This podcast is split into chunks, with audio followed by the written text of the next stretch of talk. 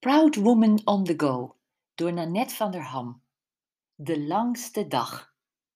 Ik kijk er elk jaar naar uit. De periode waarin de dagen steeds langer worden. Die begint natuurlijk op het moment dat we de kortste dag gehad hebben, rond 21 december. En loopt tot 21 juni, een half jaar dus. Een heerlijke tijd waarin het steeds langer licht is, alles tot wasdom komt en er een verwachtingsvol gevoel in de lucht hangt van dat wat komen gaat. Een heerlijke lange zomer vol zon en zaligheden. Mijn familie, vooral mijn vader, was daar altijd erg mee bezig. Hij had een pesthekel aan de zomertijd waarbij de klok in maart een uur vooruit werd gezet.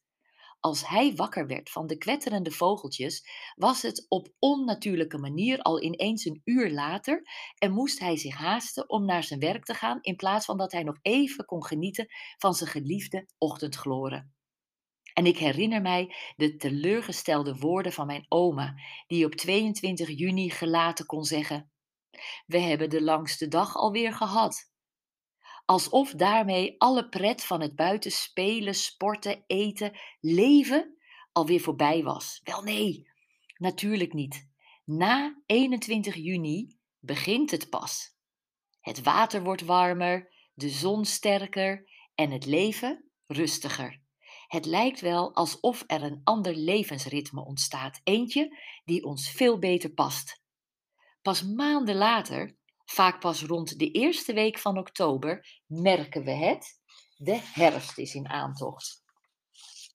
De overgang is net als de langste dag. De dagen erna worden onmiskenbaar korter. Maar wat een bemoedigend idee dat na de langste dag de beste tijd vaak pas komt. Waarom dat zo is? Omdat we er tijd voor vrijmaken omdat we allemaal accepteren dat, als de hitte toeslaat, het de bedoeling is dat we een siesta houden. En dat het soms te warm is om te werken. Omdat we deze tijd massaal gebruiken voor gezellige picknicks, wandelingen en andere quality time samen met ons gezin en onze vrienden. Over gangsters Laat de langste dag onze metafoor zijn voor de menopauze en ons keerpunt zijn van groei en bloei naar rust en rijpen. Van jonge blom naar sappig fruit, zeg maar. En laat de zomer die dan pas begint ons voorbeeld zijn van een levenswijze die ons geluk en genot verschaft. Zoals Ella Fitzgerald zo treffend zingt. Summertime and the living is easy. One of these mornings you're gonna rise up singing.